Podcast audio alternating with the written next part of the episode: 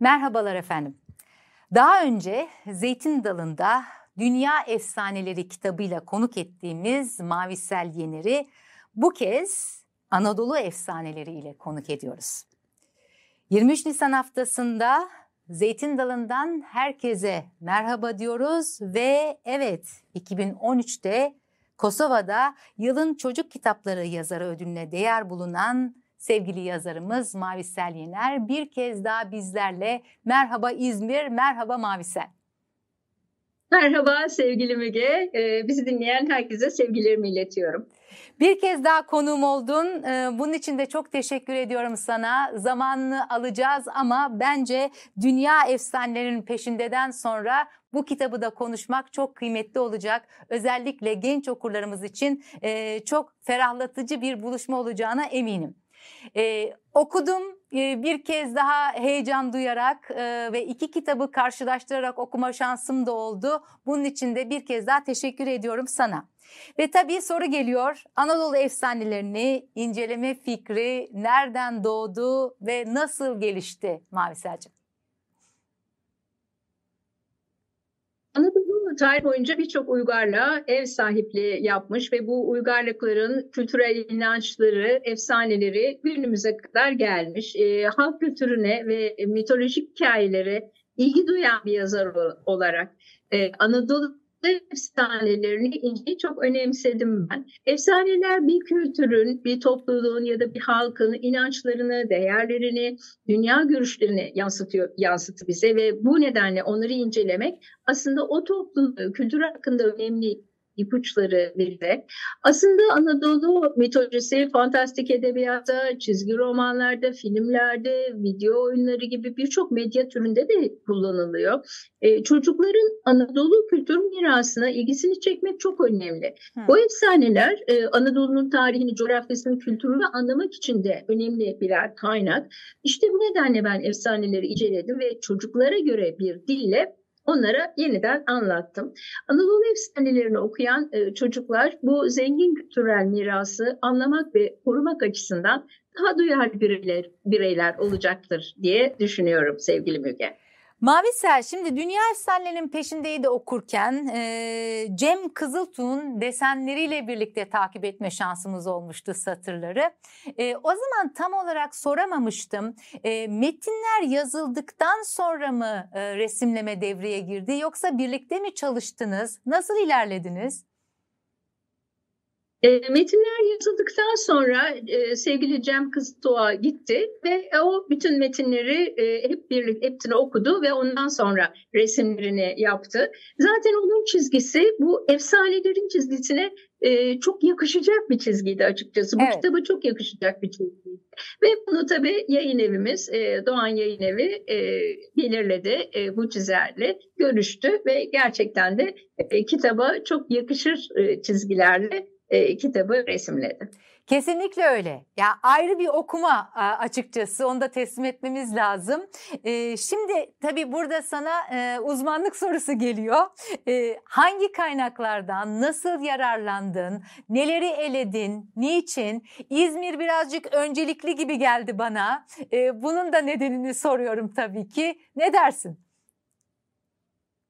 E, Valla Anadolu efsanelerini yazarken tabii çok farklı kaynaklardan yararlandım ve beslendim. E, bu kaynaklar bölgenin tarihini, kültürünü, inançlarını, mitolojisini anlatan kitaplar oldu, araştırmalar oldu, makaleler okudum bununla ilgili. E, halk hikayeleri, destanlar, masallar, e, efsaneleri içeren sözlü geleneğe dayalı olan kaynaklar benim için çok değerli bilgi kaynaklarıydı. Ee, sonra Anadolu efsanelerinin oluşumunda rol oynayan Yunan mitolojisi, Hitit mitolojisi, Frig mitolojisi bunlardan da yararlandım. Daha çok zamanımı alan konu aslında şu oldu burada benim. Anadolu tarihi boyunca tabii çok farklı medeniyetler, kültürlerin etkisi altında kaldığı için efsaneler değişikliğe uğramıştı hmm. sevgili Müge. Bu nedenle farklı kaynaklardan elde ettiğim farklı versiyonlar vardı. Ve bunları inceleyerek efsanenin ortaya çıktığını, gelişimini, nasıl ortaya çıktığını, gelişimini ve e, bu hikayeler nesilden nesile, dilden dile aktarıldığı için doğal olarak e, farklı versiyonlar var. Hangi versiyonu kullanmam gerektiği konusunda karar vermem gerekiyordu. Hmm. Hmm. E, hangi efsaneleri tercih edecektim? Tabii ki çocuklar için yazdığım için çocukların yaşına, onların gelişim düzeylerine, e, kültürel arka planlarına uygun olması gerekiyordu. Şiddet içermemeliydi. Eril bir dil kullanılmamalıydı. Ayrımcılık içermemeliydi. Yazarken şiddet sahnelerini özellikle kullanmamayı, aktarmamayı seçtim.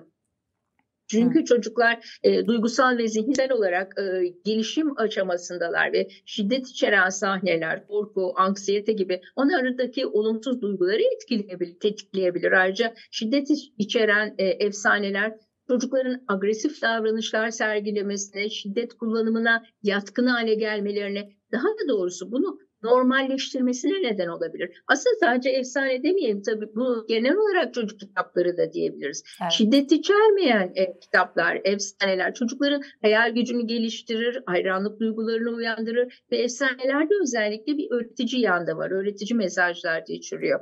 Ee, özellikle kültür, dil, din, cinsiyet ayrımcılığı yapmayan, herkesin değerlerine, inançlarına, yaşam tarzlarına saygı duyan bir dille yazmaya e, çalıştım. Çünkü ayrımcılık e, içeren efsaneler ya da aslında yine kitaplar diyelim istersen buna genelleyelim çocuklar Aha. için. E, çocuklarda ön yargıların, ayrımcılığın e, yayılmasına da neden olabiliyor. E, özellikle çocuklar için yazdığımız kitaplar ki sen de çocuklar ve gençler için yazan birisin. Onların gelecekteki davranışları üzerinde büyük etki yapacaktır ve bu nedenle onlar için seçtiğimiz metinler e, kültürler arası anlayışı teşvik eden, ayrımcılığı reddeden, hoşgörüyü e, öğreten metinler, hoşgörülü metinler olmalı. E, o nedenle efsanede de özellikle böyle seçtim.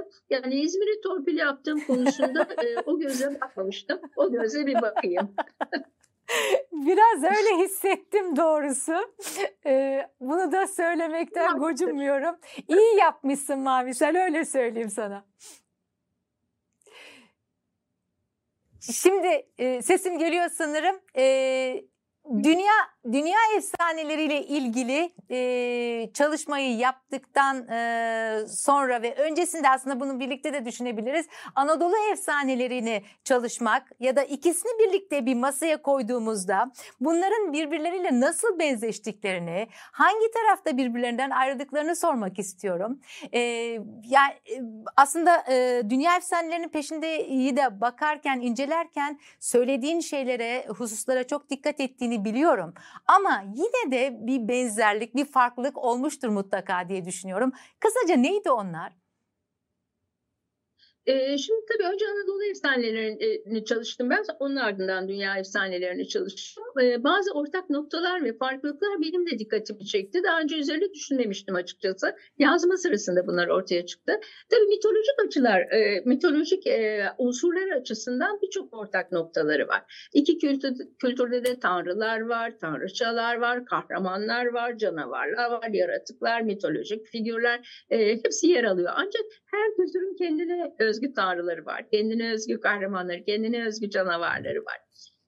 Dikkatimi çeken bir başka şey de Müge, doğayla ilgili temalara baktığımızda büyük bir ortaklık görüyoruz. İki kültürde de doğa var, hayvanlar var, bitkilerin özellikleri var, davranışları var, güneş var, ay var, gök cisimleri var, su ve ateş gibi Hı. elementler var. Efsanelerde her iki tarafın efsanelerinde de buna e, ortak olarak çok rastlıyoruz. Fakat tarihi olaylara yapılan atıflara baktığım zaman şöyle bir şey gördüm. Dünya efsanelerinde genellikle antik çağa, mitolojik dönemlere e, ya da uzak geçmişe e, atıfta bulunuluyor. Anadolu efsanelerinde ise daha yakın olaylara değinilmiş. Bu da e, ilginç gelmişti bana. Hmm dil farklılıkları var, kültür farklılıkları var. E, hepsi kendi e, kültürlerini, kendi toplulukları tarafından anlatıldığı ve aktarıldığı için elbette e, kendilerine özgü bir dille anlatıyorlar. O kültürü ön plana alıyorlar. E, ve bir de bir fark daha dikkatimi çekti. E, Dünya ve Anadolu efsanelerinde toplumsal ve ahlaki değerler evet o ele alınıyor. Her ikisinde de ele alınıyor. Ama gözlemleyebildiğim kadarıyla e, her iki kültürde, kültürde de bu değerler farklı şekilde yansıtılmış. Dünya efsanelerine baktığımız zaman genellikle insan davranışlarına, ahlaki değerlere, insani zayıflıklara dikkat çekiliyor. Anadolu efsanelerine baktığımızda da daha çok toplumun öfleri, adetler, gelenekler, aile değerleri, dini inançlar üzerinde hmm. e, duruluyor. Her ikisinde tabii ki mitolojik ve fantastik öğeler içerdiğini, sembolik anlatım tarzı kullanıldığını elbette e, söyleyebiliriz. Her iki e, efsane geleneği de insanın evrensel sorunlarına yanıt arama yolunda ortak bir amaç paylaşmışlar aslında ve insanın hayattaki zorluklarla e, baş etmesine yardımcı olmak için öğretici mesajlar sunmuşlar. Yani ee, böyle bir genelleme yapabilirim. Bir tür yol gösterici. Evet. E, bu bu noktada e, neden gençler e, ve çocuklar diye ısrar ettiğini sormak istiyorum. Çünkü sen yetişkinler için de yazan bir yazarsın. Evet, yetişkinlere daha az yazıyorum. Gençlere ve e, çocuklara daha çok yazdığım doğru. Onların dünya görüşü ve beklentileri sürekli olarak değişiyor, gelişiyor. Gençlerin dünyaya bakışı benim de aslında güncel dünyayı anlamama, düşüncelerimi geliştirmeme yardımcı oluyor. Ayrıca çocukluk dönemi ve gençlik dönemi insanların hayatındaki önemli bir dönem. E, ve bu dönemde insanlar kimliklerini keşfetmeye, dünyayı anlamaya, e, hayatta neleri önemsediklerine karar vermeye ve geleceklerini şekillendirmeye başlıyorlar. E, gençler kendilerini anlayan, onlara ilham veren, e, onların sorunlarına yaklaşabilecek, çözümler sunabilecek yazarların eserlerine ihtiyaç duyuyorlar ve onların ilgi alanları, sorunları, hayalleri yetişkinlerden çok farklı ve ben işte Onların dünyasında olmayı seviyorum. Onlarla bağlantılı olmayı bu nedenle seçtim. Bu farklılıkları nedeniyle onları anlamak için e, ve onların hayatlarında etkili e, olabilecek konuları ele alarak onların kitapları sevmesini sağlayarak okumasını sev okumayı sevmelerini sağlayarak onları düşünmeye, sorgulamaya, hayatta daha iyi kararlar vermeye e, belki teşvik ederek e, bu yolda yolculuğumu sürdürmek istiyorum ve geleceği şekillendirecek bireyleri aslında yetiştirir biliyorsun çocuk ve gençlik edebiyatı. E, bu çabaya da değer diye düşünüyorum. E, dediğim gibi sen de bu çaba içindesin e, ve e, bu çabaya inan ki değiyor sevgili Müge. Kesinlikle değiyor. Şimdi e, konuşacağımız efsaneler var kitapta. Anadolu efsanelerinin peşinde çok sayıda e, efsane var ama birkaç tanesini özellikle sana sormak istiyorum. Tabii e, ilk başta soracağım da Anadolu. E, şimdi bu e, Anadolu efsanesi köken olarak Ankara değil mi? Ve e, aslında evet. Selçuklulara e, bizi götürüyorsun. Orada e, şiddet içermediğini e, söylediğin efsanelerden biri olsa dahi gene de orada bir militer yan var sanki ama farklı bir biçimde karşımıza çıkıyor. Onu anlatabilir misin? Evet şimdi bu Ankara Kızılcahamam köyünde geçiyor. Şimdi burada tabii evet askeri militeryen bir yan olsa da aslında orada bir Bilge Nine var ve o Bilge Nine'nin misafirperverliği üzerinden aslında evet. efsaneyi biraz daha yoğunlaştırmak istedim. So, Anadolu insanının burada misafirperverliği anlatılıyor aslında alt metinde. Her efsanenin başına tekerlemeler koydum ve bu efsanenin başında da şöyle bir şey diyorum.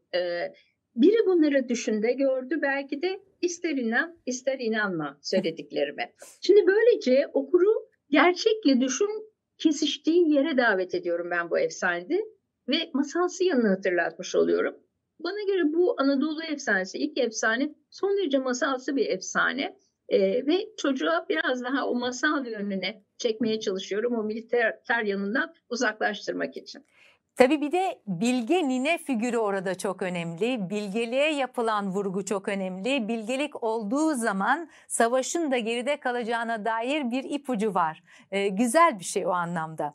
Ama iş bununla da bitmiyor Mavisel. Bizi Gordiyon düğümüne taşıyorsun. Gordiyon düğümünden Büyük İskender'e taşıyorsun. Kısacası kadim topraklar dediğimizde e, kadim olduğu ölçüde de savaşın olduğu topraklar diyarındayız yine de. Evet Gordiyon Akordeon düğümü bize ne anlatıyor? Firik Kralı'ndan bahsediyorsun burada ve Adana'ya götürüyorsun. E, şimdi küçük bir düğüm aslında burada büyük bir efsaneyi doğurmuş. Evet. E, Gordion antik Frigya'da bulunan tarihte önemli e, yere sahip bir şehir. E, efsaneye göre kim Gordion düğümünü çözerse Asya'nın egemeni olacak. Ama bu düğüm o kadar karmaşık ki e, kimse çözmeyi başaramıyor bu düğümü. Ve Makedonya Kralı Büyük İskender e, bunu çözmek için geliyor. O da uğraşıyor, o da kesemiyor ve düğümü çözemeyince kılıcını eline alıyor ve kılıcıyla düğümü ikiye ayırıyor. Evet. Bu efsaneyi aslında iki farklı bakış açısıyla değerlendiriyorum ben ve bütün insanlar da aslında genelde öyle değerlendirmişler. Ben isterim ki öğretmenler bu kitabı çocuklarla birlikte okuyorlarsa ya da aileler konuda e, böyle bir konuşma açsınlar, bir sohbet açsınlar, tartışsınlar e, çocuklarla. Şimdi dediğim gibi iki yönden görebiliriz. Bir problem karşısında güçlü ve yaratıcı olmak gibi aslında düz bir anlamda yüklenebilir. Hı hı. Ama düğümü nezaketle çözmeyip e, kılıçla kestiği için, kuvvete başvurduğu için yani kaba kuvvete başvurduğu için İskender'in lanetlenerek genç yaşta hayata veda etmesi anlatılıyor kitapta. Evet. Bu böyle bir örnek.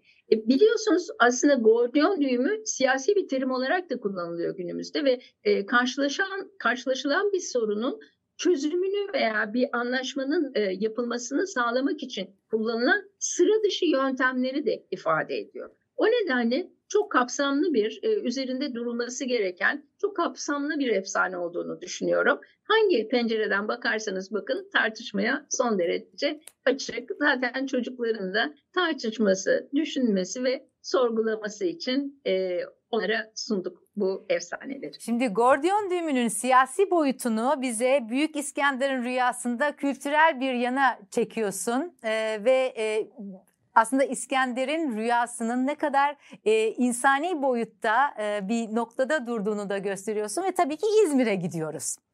Orada e, ne oluyor? Şimdi e, bu efsane aslında İzmir'in kuruluş yani Simirna'nın diyeyim daha doğrusu Simirna'nın kuruluş efsanesi. İzmir'in güzel bir yerde kurulması, büyük bir kent haline gelmesi İskender'in gördüğü bir rüyanın gerçekleşmesiyle mümkün oluyor efsaneye göre. Ve ben de İzmir'de yaşayan birisi olarak bu efsaneyi tabii ki kitaba almazsam olmazdı. ee, İskender'in e, İzmir'de gördüğü rüya antik dönemde yaşanan bir efsanenin İzmir'e ilgili aslında birçok hikayenin bir parçası. İzmir'in tarihi ve kültürel mirası hakkında bize çok ipuçları veriyor. Kitabı tabii ben çok kısaltılmış versiyonunu aldım. Ama merak edip eğer e, bunun uzun versiyonunu da peşine düşerlerse e, çocuklar ya da gençler e, o zaman çok farklı ipuçları da alacaktır ve şehirlerin aslında genel olarak sadece İzmir için değil, şehirlerin kuruluş efsaneleri bir şehrin tarihine, kültürüne, kimliğine dair oldukça bilgi e, içerir, bilgi barındırır ve o şehrin insanların kendilerini tanımasına yardımcı olur. Önemli bir kaynaktır.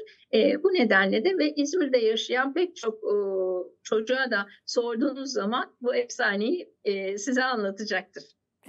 Peki İzmir'den şimdi Çanakkale'ye doğru e, rotamızı çevirelim ve aslında dünya efsanesi olmuş olan bir efsaneye e, gelelim. E, hazin bir öykü Akıllılar ile Truvalıların öyküsü Tahtaat efsanesi ya da Truva atı.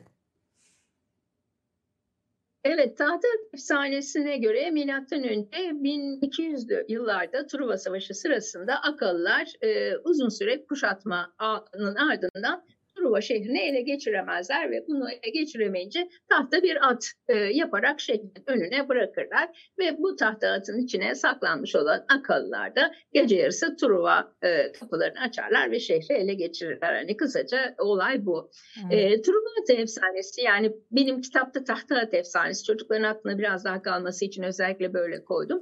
Yüzyıllar, yüzyıllardır bize e, anlatılan bir hikaye ve birçok aslında farklı az metin içeriyor.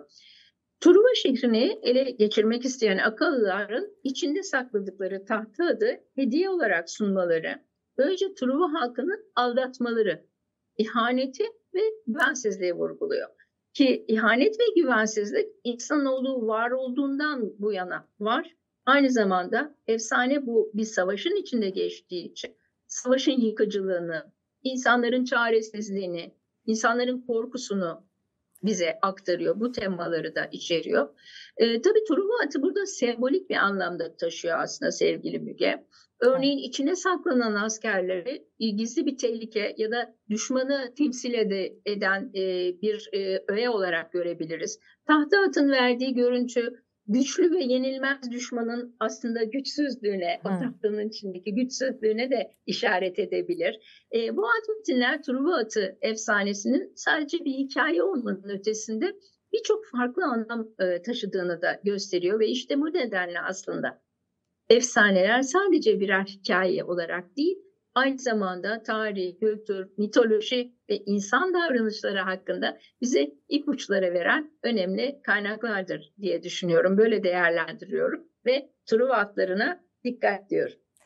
Bu efsaneyi genç arkadaşlarımdan biriyle tartışırken söz gelmiş dayanmış şuna varmıştı.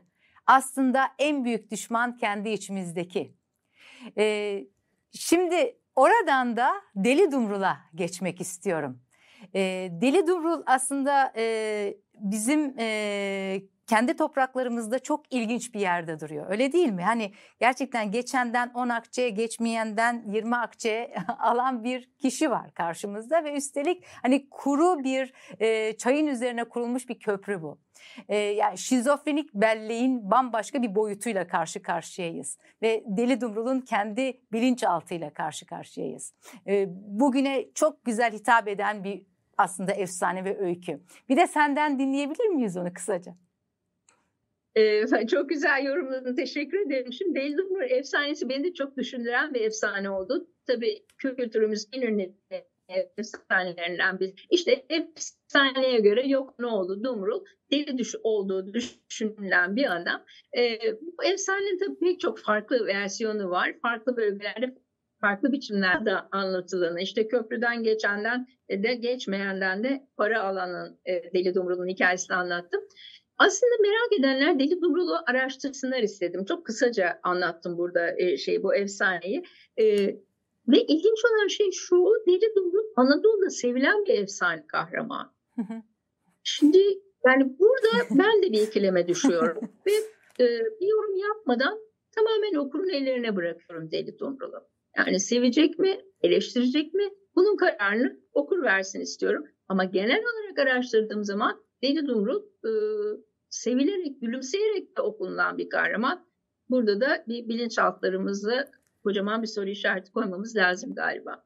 Belki sevgi kazanıyor o yüzden gülümsetiyor diyelim. Ee, hani Şimdi Elazığ'dan Hatay'a gelmek istiyorum ve gene bir sevgi öyküsü ya da hani e, aşkın yarattığı buhran mı desek Defne'nin gözyaşları.